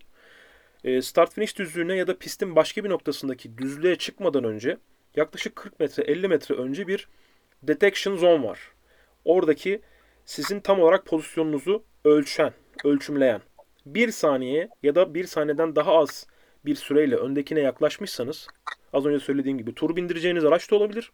Yarıştığınız araç da olabilir. DRS'yi açma imkanına sahip oluyorsunuz. Ve DRS'yi e, siz direksiyonun üzerindeki bir butonla açıyorsunuz. Direksiyonun üstündeki butonu da nereye yerleştireceğiniz sizin tercihiniz. Bunu bazı pilotların izahı var. İzah ediyorlar. Diyorlar ki normalde vites yükseltme e, sağ taraftaki kulakçık. Yani direksiyonun arkasındaki kula- iki kulakçık var. Bir tanesi vites düşürmeyi, bir tanesi de yükseltmeyi sağlıyor. Sağ taraftaki kulakçık yükselttiği için aynı zamanda DRS'yi de sağ tarafa koymuyoruz ki hem sağ baş parmağımızla DRS'ye basmak durumunda kalalım hem de diğer parmaklarımızla vites yük- yükseltmek durumunda kalalım. DRS'nin düğmesini de bu çok detay bir bilgi ama böyle şeyleri merak ediyor insanlar. Sol tarafa koyuyorlar DRS'nin tuşunu da. Bir tane buton yani. Düğmeye basıyorsun. Ama DRS e, başlangıç noktası var. O noktadan önce açılamıyor. E, bazı durumlar oluyor. İşte araçların tek, e, nasıl elektronik sistemlerinde sıkıntı çıktığı zaman bu sorun, bu sıkıntı çıktığı zaman bazen açık kalıyor, bazen kapalı kalıyor, açılmıyor. Ee, bu zamanda o zaman da işte FIA hemen buna mü- müdahale ediyor. Diyor ki işte böyle bir sıkıntı var. Bu görülüyor çünkü. DRS'nin nerede açıldığı, nerede kullanılmaya başlandığı FIA'nın mühendisleri tarafından da takip ediliyor. DRS böyle bir sistem. Teknik olarak da bir motora bağlı değil DRS. Elektronik bir sistemle açılıp kapanıyor. Ee, yani kendine ait bir motoru ya da e, içten yamalı motora bağlı bir sistem değil. Aracın elektronik sistemine bağlı açılıp kapanan bir flaptan bahsediyoruz arka kanatta. Açıldığı zaman neredeyse bazı pistlerde 30-35 kilometreye kadar size bir hız avantajı sağlıyor. Start finish düzlüğünde. Diğeri ise şarj ediliyor mu muhabbeti ise aracın e, bir bataryası var. E, bu batarya pistin diğer bölümlerinde şarj edilebilirken özellikle start finish düzlüğü gibi ya da pistin diğer bölümlerindeki düzlükler gibi kısa düzlük ya da uzun düzlüklerde kullanabileceğiniz düğmeye basarak e, kullandığınız ekstra bir güç veriyor size. Ee, özellikle sıralama turlarında bunu yani şarj olma özelliğini kullanmaması için, şarj etmemesi için özellikle kapatır pilotlar. Sıralama turundaki hızlı tura başlarken.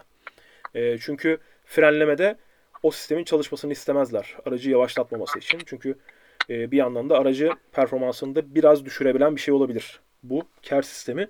KERS de DRS farklı sistemler yani. Yani DRS şarjlı değil. Bunu tekrardan vurgulamış olayım. Peki DRS Ee, Araç araçların arkasındaki şey gibi işte bu e, neydi o? E, kanat gibi bir şey yani ha- hareketli. Aynen kanat kanatın açıl aynen Evet. kanadın açılarak içine daha çok hava alması, bu sayede daha fazla downforce üretip daha hızlı gitmesini sağlaması diye böyle çok basitleştirerek söyleyeyim ben de. Aynen öyle. Ee, şu var, e, bu bir sürü yerde olduğu için e, ben toparlayacağım. Tamam. İşte adam yerine koyulmayan gariban Bottas. Bottas neden underrated? İşte Bottas'ı seviyoruz. Bottas bizim canımız. Bottas'ı yedirmeyiz derler var. Evet. Şimdi şunu insanların bir anlaması lazım. Ee, Bottas dünyanın en iyi takımının ikinci pilotu. Hani Bottas e, şeyde Haas'ta yarışmıyor. Bottas e, dünyanın en iyi takımın ikinci pilotu. Tekrar bunu böyle bağıra bağıra söyleyeceğim. Çünkü Bottas underrated değil. Underrated olsaydı buralara gelemezdi. Bottas en iyi seviyenin yani A plus Hamilton ve Verstappen'se Bottas da A. Hani mesela Leclerc A'dan A plus'a çıkmak istiyor. Yani Apo'ya göre A plus, bana göre A. Ama A plus potansiyeli var. Timo'ya göre bilmiyorum. Ama Bottas underrated değil. Ne olur lütfen. Sayın arkadaşlar. Yani bunu bir kabul edelim. Yani dediğim gibi mesela ben şahsi olarak e, Barrichello'yu ayrı severim. Ama benim en sevdiğim pilot Coulthard'tır. Hani Coulthard bir takımın ikinci pilotuydu. Barrichello bir takımın ikinci pilotuydu ve bütün grid tarafından inanılmaz saygı duyulurdu. Evet. Bottas o karakterde olmadığı için bu saygıyı kazanamadı derseniz bu doğru bir yorum olur.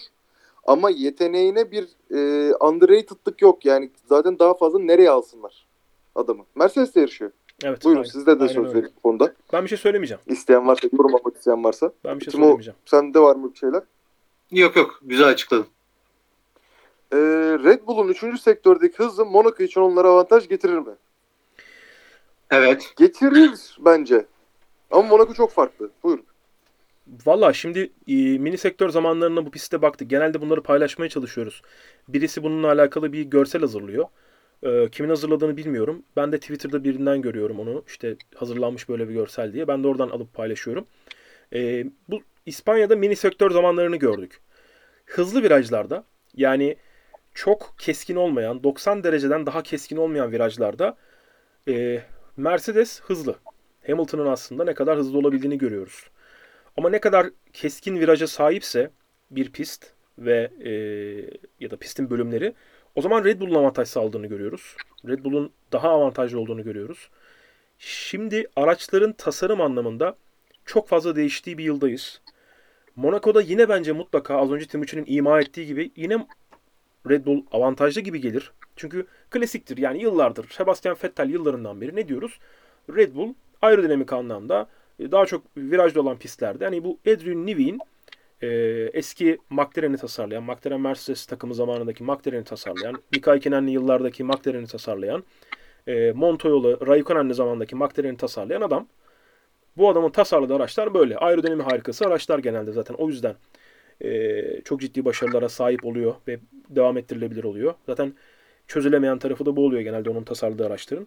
Monaco'da büyük ihtimalle avantajlı olmasını bekliyoruz. Ama bence bu yıl, bilmiyorum Timuçin ne diyecek, e, o kadar büyük bir avantajları olmayacak. Bence Mercedes'in bütün tasarım e, mantığı değiştiği için geri, yeni kurallarla birlikte e, kafa kafaya bir durum gibi e, görebiliriz. Yani bu yıl Lewis Hamilton pole pozisyonunu alabilir Monaco'da.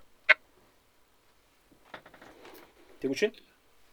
Yani şimdi Monaco'da e, ben Red Bull'u hani bu sebeplerden dolayı bir tık avantajlı görüyorum ama sonuçta olay Monaco. E, en ufak hataya yer yok. Orada en hızlı aracı yani pist üzerindeki en hızlı araca sahip olsanız bile yapacağınız en ufak bir hata yarışa mal olacak. Max'ın kazalarını hatırlıyorsundur. Efendim? Max'ın kazalarını hatırlıyorsundur. Yani var. İki tane Max. aynı virajda iki tane e, iki yıl arka arkaya e, kazaları vardı. Sağ ön tekeri kırdı. E, tamam şimdi virajı hatırlayamadım ama e, çok çok sorunsuz bir pist değil yani Ondan sorun var. Evet evet. Şey gelirken. Kasino virajına gelmeden önce. Evet aynen öyle. Ee, o yüzden yani Monaco ile ilgili cumartesi günü ne olursa e, pazar günü de onu göreceğiz gibi bir şey diyorum. Yıllar Ya Jean Alesi yıllardır Jean yağmur yağmur yağmur yağmur diyor. Belki bu yıl yağacak Kutay için bakalım. o yağmur gelecek. O yağmur gelecek. Onun dışında git Jean Alesi galiba değil mi? Doğru Evet. hatırlıyorum. Evet. Gitti Niki Lauda'nın arabasını çaktı. Yani her şey olur Monaco'da. Her Ay şey hiç olur. durma ya. Yani evet. 1972 model e, Ferrari'yi aldı duvarlara geçirdi. Yazık mıdır yazıktır ama yapacak bir şey yok. Bu O arada da çok acayip turnuva. O, Formula Klasik çok acayip kafa. bu arada benim paylaştığım video hani tünelden çıkıyorlar da duvara giriyorlar ya. Kontrolü kaybediyor tünelden çıkıp duvara giriyor. Hı hı. Ee, Evet evet evet. O Janelesi'nin kazası değil. Janelesi'ye arkadan gelip start finish düzünde çarpıyorlar. Çarptıktan sonra da e, hani arkadan vuruyor birisi. E, ben onu yanlış paylaştım. E, arkadan gelip birisi start finish düzlüğünde vuruyor. Ve Janelesi kontrolünü öyle kaybediyor. Yani Janelesi'nin hakkında çok güzel kelimeler kullanmamıştık. Baya ileri geri konuşmuştuk hakkında. E, onun hatası yoktu orada. Ya sonuçta onu kullandı arabayı. Bir de onu araçtan indikten sonra böyle elini kafasına koyup ulan ne yaptık ya falan gibi böyle bir fotoğraf vermiş ya. Ee, o bayağı bir o bayağı bir komikti. Evet Kutay. Şimdi demin bir tane güzel bir şey görmüştüm. Bakayım başka neler var diye karıştırdım. Bir dakika. Bir dakika. Bak yine sağda üstte bence konuşacak hiçbir şey yoku gördüm. Ee, bir keyiflendim. Tatlandım diyorsun. Ha şey vardı. Dur dur şey vardı. Nerede? Solda. Ha. Mercedes'te buna yine ilk ben cevap vereceğim. Mercedes'ler olmasa F1 çok daha rekabetçi bir ortam olacak ve Leclerc'in yükselişi demiş. Şimdi bu sefer de tenisten gideyim olaya. Ben Nadal'dan da. tamam mı? Bu sefer de oradan vereyim. Bak Nadal'dan gerçekten nefret ederim. Kutay. Ama Kutay. efendim, Şak adam mıdır? efendim. Kim? Şak adam mıdır? Ahmet Çakar gibi oldum ben de. Şak adamdır. Şak adamdır. Ee, Lakers'ı severiz. Lakers'lıyız ezelden. Ya ama şunu söyleyeceğim. Şimdi Nadal yine saygı duyuyorum o ayrı onu unutulmasın. Ama Nadal'ı seyretmeyi de sevmiyorum. Tavırlarını da sevmiyorum. Triplerini de sevmiyorum. Adamı sevmiyorum. Lakin o çok büyük olmasa Djokovic'in onu yenmesinden keyif alamam. Ne bileyim e, Fenerbahçe'ye gidip 30 milyon euroluk bir basketbol takımı kurmasa Galatasaray'ın onu yenmesinden keyif alamam. Mercedes de iyi olmasa Red Bull'un onu geçmesinden keyif alamam. Hani bu şey olma ben böyle bir bakış açısı bizde niye var ben bilmiyorum. Hani biri çok iyi o kadar iyi olmasın. Abi o çok iyi olsun ki diğeri de onu yakalasın ve iki tane çok iyimiz olsun ve biz çok iyileri izleyelim. Yoksa var işte bizim memlekette palyolar var yarışıyorlar birbirleriyle. İnan izlemezsin. Biz izlemiyoruz. Mangal yakıyoruz kenarında. Mercedes olsun. Red Bull da onlar kadar iyi olsun mümkünse. Evet aynen öyle. Evet, sizin de ekleyeceğiniz varsa. Bence devam Buyurun. et. Bence devam et. Diğer, tamam. Diğer Ee, tamam. Biraz daha bakıyorum. Ee, şeyler var genel olarak. Hani konuştuk ama söyleyelim yine de.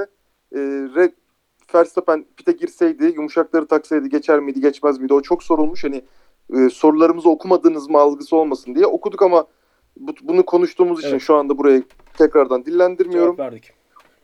Ee, Mazepin'in Mazepin şamp bak bunu şöyle soracağım. Mazepin şampiyonluğa etki edebilir. FIA bunun için bir planı var mıdır? Ben bunu şu şekilde soracağım. FIA'nın sezon içinde süper lisansı e, iptal etmede askıya alma gibi bir e, olayı vardır illaki. Bunu yapması için belli bir şart aranıyor mu yoksa bu birinin kararı mı oluyor? Bilen var mı? Timuçin Mazepin'le alakalı bir sen bir yorumunu yap. Ee, Bunu da cevap verebilirsin. Ben de sonra başka yine bununla alakalı düşüncelerimi söyleyeyim. Yani sezon içinde süper lisansı direkt hani hiçbir bahane dayandırmadan e, iptal edebileceğini sanmıyorum ama sezon içerisinde biliyorsunuz bir puan e, cezası hakları var. 20 puan yanlış hatırlamıyorsam. E, bunu doldurduğu anda da bir sonraki yarışa giremiyor. Bu da e, kariyerin bütün puanlarının şey olması demek. O yüzden hani direkt kasti olarak herhangi bir şey yapmadığı sürece süper lisansın elinden alınacağını sanmıyorum. Yarışmaya devam edecek. Mazepin'in Formula 1'de yarıştırılmasının sebebi özellikle e, Vitali Petrov'dan bu Ama- yana özellikle Vitali Petrov'dan bu yana bir Rus sürücü olsun, e, Rus sermayesi, Rus parası da gelsin.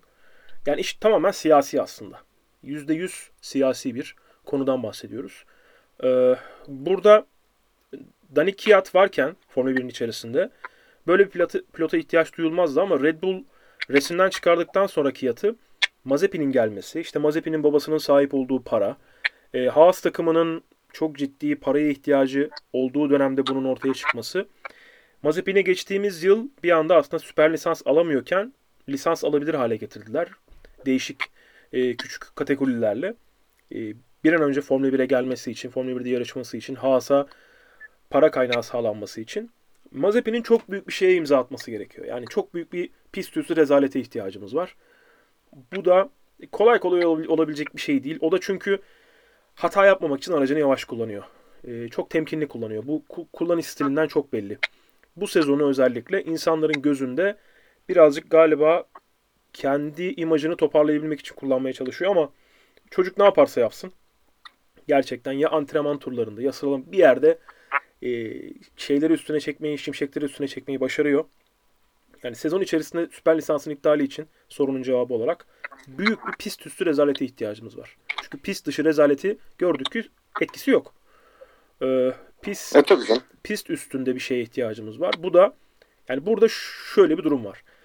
Ferrari'yi, Mercedes'i ve Red Bull'u bu üç takımdan birini rahatsız eden bir iş yaparsa bütün Rusya'nın parasını da getirse kimse Mazepin'i tutamaz orada. E, bu üç takımdan biri bir şey söylemediği müddetçe de FIA gidip de bununla alakalı bir şey söylemez Kutay. Anladım. Anladım. Ya bir de hani tekrardan hatırlamak lazım. Ee, bu Formula 1'den kimler geldi geçti? Hani Grosjean'ı unutmayalım. Takuma Sato'yu unutamıyoruz. Yani böyle adamlar gelip gidebiliyor. Ee, dediğim gibi umarım o rezalette yaşamayız çünkü sonuçta bu otomobillerin içinde can var her şeyden önce. Evet. İnşallah hiçbirine bir şey olmasın. İnşallah. Ee, iki, son iki soruyu alacağım. Tabii. Ee, diğerleri birbiriyle çok benzer ve genelde şeylerle konuştuğumuz sorular e, sorular olmuş konular. Ee, Türkiye Grand Prix'si iptal mi devam mı? Buna en iyi sen takip ediyorsun. Ee, son konuştuğumuz şekilde olursa bence müthiş olur. Sen bir durumu aktar istersen. Valla e, Şampiyonlar Ligi finaline iki tane İngiliz takımın çıkmasının ardından finalin İngiltere'de yapılması için e, zorlayabilmek için İngiltere hükümeti bize bir bir anda bir uçuş yasağı gibi bir şey getirdi. İşte kırmızı listeye aldı bizi. E, Türkiye'den gidenler bazı birkaç tane ülke açıkladı. Bu ülkelerden gidenler 10 günlük karantinaya girmesi gerekiyor. Formula 1'de 10 tane takımın 7 tanesi İngiltere'de. Ve bu takımların büyük bölümünün genel merkezleri de birbirine çok yakın. Silverstone'a çok yakınlar. Ee, hatta haritadan baktığınızda Silverstone pisti Mercedes'in tesislerinden, Aston Martin'in tesislerinden falan görünüyor yani. O kadar yakınlar. Birçok takım orada.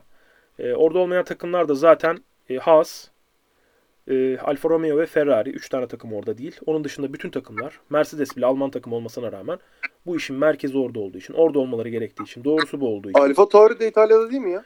Alfa Tauri. Pardon Alfa Tauri, e, Alfa Romeo ve şey e, Ferrari şeyde Haas saydım ama e, Alfa e, Tauri'ydi doğru söylüyorsun.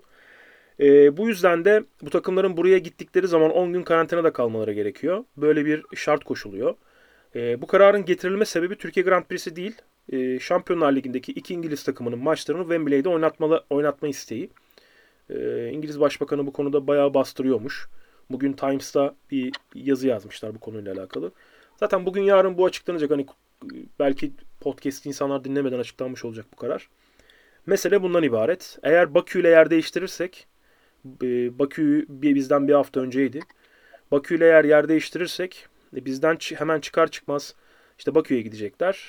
E, Bakü'den sonra iki gün kadar bir karantinada kalmaları gerekecek. İşte Bakü'de iki gün geçirdikten sonra İngiltere'ye gidebilecekler ve orada Fransa'ya gitmek için, Paul Ricard'a gitmek için önlerinde yaklaşık bir 10-11 gün olacak. O yüzden öyle bir vakitleri olacak hazırlanmak için. F1 böyle bir formül bulmaya çalışıyor. Ee, hani Şampiyonlar Ligi finalinin burada oynanıp oynanmaması beni ilgilendirmiyor ama e, tabii inşallah burada oynanır ama hani beni çok ilgilendirmiyor onu söylemeye çalışıyorum. Ama Türkiye Grand Prix'si eğer iptal edilirse yani bu tarihte yapılmazsa da ben bu sene içerisinde yapılma ihtimalinin çok yüksek olduğunu düşünüyorum bir yandan da. Yani tarihinin değiştirileceğini düşünüyorum ben bizim yarışın. Böyle e, böyle boşlukta bir yere araya bizim yarışı da koyabileceklerini düşünüyorum. Çünkü belki bazı ülkeler iptal edebilir. E, başka şeyler olabilir. Bilmiyorum. Yaşayacağız ve göreceğiz. Türkiye Grand Prix'sinin iptal olma ihtimali maalesef var. Ama Bakü ile yer değiştirme ihtimali de var. Ee, anladığım kadarıyla da Şampiyonlar Ligi finali gidiyor. Ama Türkiye Grand Prix'si Bakü ile yer değiştirip kalıyor. Çünkü e, F1 takım patronları geçtiğimiz hafta sonu özellikle Toto Wolff kötü konuşmamış. Yani o 10 gün bir otelde kalmak güzel bir şey değil. E, Domenicali F1'in yeni CEO'su opsiyonlarımıza bakıyor demiş. Yani nasıl olabileceğine, Türkiye Grand Prix'sini nasıl gerçekleştirebileceğimize bakıyor demiş. E, bakalım Domenicali bu işi halleder. Arkandayız İtalyan. ee, son sorum. Bunu ben de kaçırdım bu arada. Bunun cevabını merak ediyorum. Leclerc'in önde olup yani üçüncü olup pist üstünde geçilmeden Bottas'ın arkasında 15 saniye fark yemesi. Ben de bir an oraya bakmadım. Bir baktım Allah Allah dedim bu nasıl oldu? Sen illaki takip etmişindir ya da Timur takip etmiştir. Kim cevap vermek istiyorsa versin. Sonra ben azıcık bir rally haberi geçeceğim. Sonra bırak bitiririz zaten. Şimdi pit stop e, F1'in sitesine girdim sen bu soruyu sorarken. Pit stop summary'e bakıyorum. Bottas 23. turda pite girmiş. E, Leclerc 28. turda pite girmiş. 5 e, tur sonra pite girmiş. Yani zaten Leclerc'i önce bile pite alsanız e, yarış tempoları açısından birbirlerinden farklı oldukları için yani haliyle Mercedes'in yarış temposu daha yüksek olduğu için, daha iyi olduğu için zaten neredeyse Leclerc de aynı turları atacaktı ve bir şekilde pitten çıkınca yine daha temiz lastiklerle en kötü ihtimalle arkasında belki kalırdı ama sanmıyorum. E, Leclerc'i tek pit stop yaptırma stratejisiyle birlikte zaten orada takımlar şunu gidiyorlar abi. Bizim bu yarıştaki rakibimiz kim? Ferrari'nin rakibi bu sene Red Bull ya da Mercedes değil. Ferrari'nin bu yıl hedefi McLaren Mercedes'in önünde kalmak. Yarışlarını McLaren Mercedes'in önünde kalmaya odaklamış ve stratejilerini bunun üstüne kurmuş durumdalar. O yüzden de Charles Leclerc bakıyor yani yarış içerisinde baktığı şey şu. Ricciardo ve e, Lando Norris'in yarışı ne durumda? Ben bu adamların önünde kalabiliyor muyum? Baktığı şey tam olarak bu. E Perez işte geride kaldı vesaire. Bu da başka bir denemeyin içerisine girdi ama önceliği bu. Eğer siz yarışınızı ben Bottas'ın önünde nasıl çıkarıma gibi e, stratejinizi bu şekilde kurmaya çalışırsanız bu sefer lastiklerinizi doğru yönetemiyorsunuz. Doğru doğru stratejiyi kuramıyorsunuz ve sizin gerçek rakibiniz olan pilot size göre stratejisini aslında kurduğu için Ricciardo ya da Norris artık hangisi ise belki Ocon daha yukarıda olabilirdi. Bu sezon yani bu yarışta görmedik ama başka bir yarışta bunu göreceğiz mutlaka Alpine'in daha rekabetçi olduğunu. Bu sefer bu pilotları geçileceksiniz. Ben Bottas'la kapışayım derken lastiklerinizi çok fazla yediğiniz için, Bottas'la aynı turlarda pit yaptığınız için uzun vadede yani yarışın sonuna doğru, yarışın 66 turluk bir yarış olduğunu unutmamanız gerekiyor. Olabildiğince pit stopunuzu yarışın ortasına doğru tek bir stop yapacaksanız eğer ortasına doğru itmeye çalışıyorsunuz. Ki yarıştığınız, mücadele ettiğiniz takımlarla neredeyse aynı performansları gösterebilelim. 23'te pite girseydi eğer önünde 43 tur ol- olacaktı. 43 tur kalacaktı e, Leclerc'in. Bu sefer daha geç pit stop yapan, daha veya farklı bir stratejiyle çünkü biliyorsunuz bazı takımın orta lastikler oluyor. Bazısının işte yumuşak lastiği oluyor. Bazısı sert kullanıyor. E, her aracın da her lastikle farklı performans gösterdiğini düşünürsek Ferrari'nin rakibi McLaren ve McLaren'a göre bir strateji ortaya koydu. Kutay. Heh, tamam bitti mi? Bitti. ya, hayır lag var ya devam edecek misin onu bilmiyorum. Ee, o yüzden bir sinyal gerekiyor bazen. Tamam. Var mı başka bir soru? Ee, Formula 1'i böyle Formula 1'i böyle kapatıyorum ben. Yani diğer Tamam. sorular birbirine benziyor. O Tamam. yüzden e, hepsi hemen hemen hepsinde konuştuk bence. Gelelim İspanya tırmanma yarışına şimdi. İspanya tırmanma yarışı mı varmış? Heyecanlı. Ee, yok Portekiz VRC yaklaşıyor. Port yani VRC ile ilgili, rally ile ilgili iki şey söyleyeceğim sadece. Bir, gelecek sene hibrit otomobiller e, malum geliyor. E, For- Ford testlere başladı. E, sanırsam Hyundai ve Toyota'da gelecek aydan itibaren testlere başlayacaklar. E, fena değil otomobillerin görüntüsü ve sesi. Hani onu tekrar söyleyeyim. E, Portekiz'de bir kayıt e, gruba da attım. Görmüşsünüzdür. Hatta belki onu Tork'tan da paylaşırsın. E, futbol camiasından tanıdığımız Andre Villas Boas e, yarışa giriyor C3 VRC C3 VRC değil e, C3 R5 ile e, kendisinin bir rally sever olduğunu biliyordum ama yarışa yarışlara yani yerellere giriyormuş da VRC'ye girdiğini bilmiyordum. E, görünce öyle bir bunu da paylaşayım dedim. İşte rally seviyor insanlar. Bottas da seviyor. Bottas'ı da bence Mercedes sonrası zaten artık e, rally camiasında görürüz gibi geliyor bana. Reis benim gibi. öyle bir şeyim olsun. Evet evet kimi gibi ya. Kimi gerçi canı sıkıldı Formula 1'de. Dedi ki ben niye rally yapmıyorum. Yaptı kafasına geçirdi. Dedi ki o zaman ben niye Formula 1'e dönmüyorum. Onunki biraz öyleydi. Bir de o zaman onun Red Bull diye bütün otomobili. Hani Red Bull muhtemelen orada ciddi bir para da akıttı ona. Ee, ya Bottas'ta ne olur ne biter bilmiyorum. Bottas'ın zaten sponsora ihtiyacı olacağını zannetmiyorum rally yapmak için de. Ee, rally'yi seviyor. Yani Mercedes'ten sonra Formula 1'de kalır mı? Kalabilir tabii ki. Bence o yetenekli bir pilot ama hani kalmak istemezse de e, keyifli hayatı boyunca rally yapabilir. Güzel hayat. Bence güzel hayat. Portekiz Dünya Rally Şampiyonası sezonunun ilk toprak rallisi değil mi? Evet evet nihayet toprağa düşüyoruz. Gerçekten sıkıldım. İşte asfalt, kar, asfalt. Ee, bir toprak olsun da biraz eğlenelim. Favorimiz kim? Abi bu sefer Tanak diyeceğim ya. Tanak bu sezon biraz sallantılı ama toprakta artık bir performans ortaya koyar. Ee, 3'te 2 yaptım yanlış olma, hatırlamıyorsam. Artık Tanak'ı da bilirsem 4'te 3'te giderim. İddia e, oran açsın. E, oradan ben para kazanayım. Power Stage'in e, son 12 metresi kala e, bitimine 12 metre kala Evans takla atacakmış. Doğru mu? Yani Portekiz'de miydi o toprak? Arjantin'deydi galiba. Yine Power Stage'de böyle arabanın götünü Ford Focus'tu yanlış. Evet Focus'tu. Focus değil pardon Fiesta'ydı da Focus nereden çıktı? Ee, Power Stage'in önde girip e, bir köp dar bir köprüye girdiği zaman solu böyle bir tıklatıp orada 3-4 saniye bırakıp e, yine o jemi kazanmıştı. Biri kazanmış. Seviyor e, Power Stage'lerde yarış bırakmayı Evans. Yani geçen sene şampiyon olamadı ya. Yani gerçekten eee, elindeki fırsatı bu kadar tepemezsin. Yani çünkü bir daha gelmez o fırsat muhtemelen. Ne desek olmaz. Timuçin ağzına sağlık. Teşekkürler sağ olun sizin de. Kutay ağzına sağlık. Teşekkür ediyorum. Dinleyenlerin de kulağına sağlık. Yarış modunun İspanya özel bölümünün ardından e, 80 dakika neredeyse oldu. E, bu bölümün kaydı sürdü. Dinleyen herkese teşekkür ediyoruz. Bir sonraki bölümde, bir sonraki yarış modunda yeniden görüşmek üzere. Kendinize iyi bakın. Hoşçakalın.